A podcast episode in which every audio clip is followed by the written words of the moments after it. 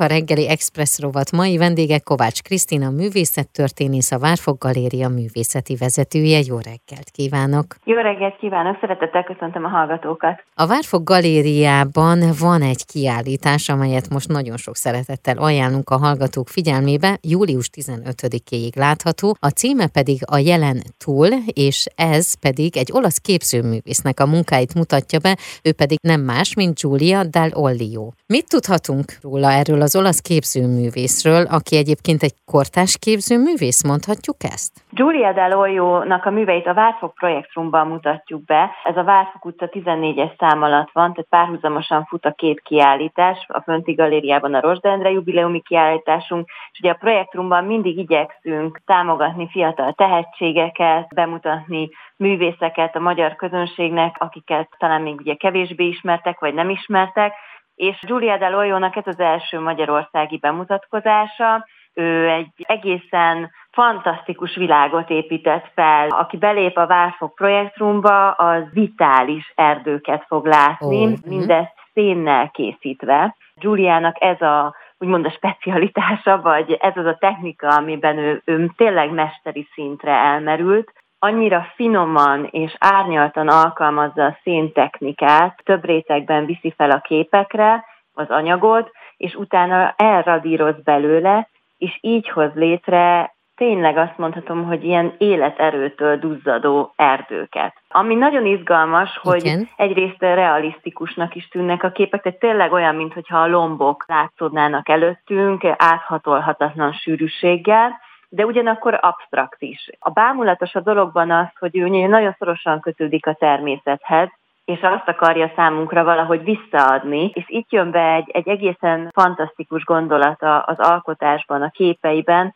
hogy míg a valóságban az emberi tevékenység pusztítja a természetet, az erdőket, addig ő úgy hozza létre a képeken ezeket a vitális, burjányzó erdőket, lombokat, hogy elradíroz az anyagból ő tevékenysége azáltal, hogy kiradírozza a fekete részeit a szénnek, és árnyalatokat hoz létre, egészen finom tónus különbségeket, így épít fel egy tényleg egy háromdimenziós hatást, tehát látjuk a lombokat, látjuk a levélzetet, és csodálatos az, hogy végül is egy ilyen negatív gesztussal hoz létre egy ennyire elképesztően pozitív dolgot. Hogy kerültetek ti kapcsolatba vele? Mi már évek óta együtt dolgozunk egy Regensburgi galériával, a Galerie Isabel Lészmeisterrel, 2009 óta vagyunk kapcsolatban, és már több ilyen cserekiállítást valósítottunk meg, ahogy mi kiállítottuk a galéria egyik művészét, Isabel Lészmeister Regensburgban, vagy akár Torontóban mutatta be valamelyik magyar művészünket, és most is egy ilyen cserekiállításról van szó,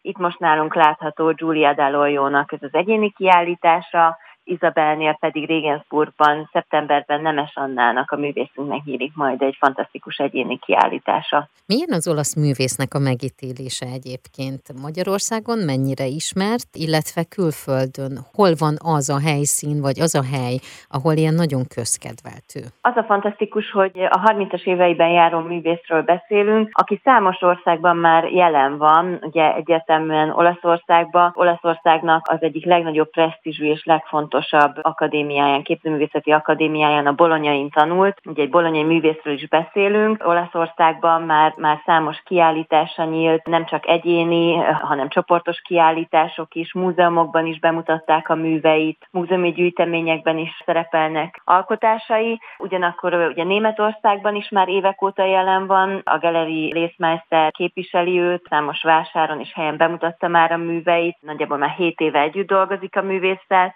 New Yorkban is együtt dolgozott egy galériával, tehát ott is rendszeresen nyíltak kiállításai, újabban pedig Kínában is van képviselete, és ott is folyamatosan bemutatják az alkotásait. És a magyar közönség akkor eddig vele nem találkozhatott, hanem most itt ismerheti meg ezen a kiállításon. Így van, így van, ez a művésznek az első magyarországi kiállítása, és ezért igyekeztünk. Ugye, hát a projektrum az egy kisebb terem, tehát ez egy kamara kiállítás, nagyjából 15 kép látható a művésztől, de azt gondolom, hogy, hogy aki oda belép, az tényleg egy komplex élményt kaphat. Az az izgalmas Giulia művészetében, hogy az ember és a természet kapcsolatát keresi. Emberalakok nincsenek a képein, csak is ezek a vitális növényi részletek, de mégis mindig a képeim van egy absztrakt gesztus, ami az embernek a nyomát, és az ő, a művésznek a nyomát szimbolizálja. Tehát ezért van az, hogy megrajzolja színnel ezeket a nagyon aprólékos, fantasztikus vizuális hatást uh-huh.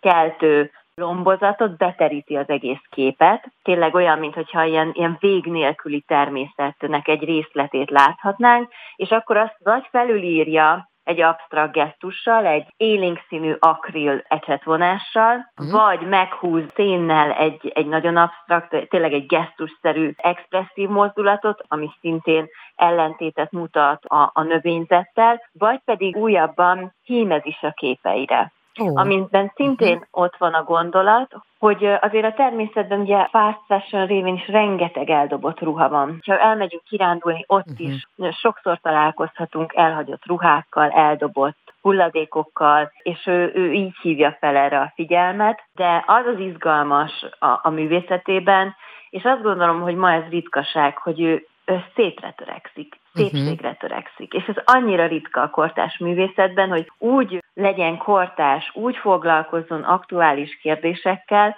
hogy nem felvágjuk az ereinket a kiállításra ellátogatva, hanem töltődünk, és tényleg megtelünk élettel. Tehát ugye Julia abból indul ki, az emberben van egy ilyen ősi igény arra, hogy szép dolgokkal vegye körbe hmm. magát, hogy az úgy kisimítja a lelkünket. Hogyha szép a környezetünk, akkor arra jobban odafigyelünk, és ez az ő célja, hogy megmutassa a természet szépségét, megmutassa azt, hogy mennyire fontos az törődni a környezetünkkel, odafigyelni erre a szépség iránti vágyunkkal, a rendezettséggel, és ezért van az, hogy mindig egy nagy egyensúly van a képein, uh-huh. az emberi nyomok és a természet között, meg hát tényleg ránézni ezekre a, a vegetációkra, tényleg feltölti az embert, élettel tölt meg minket. Tehát a jelen túl kiállítás július 15-ig látogatható a Várfog projektrumban.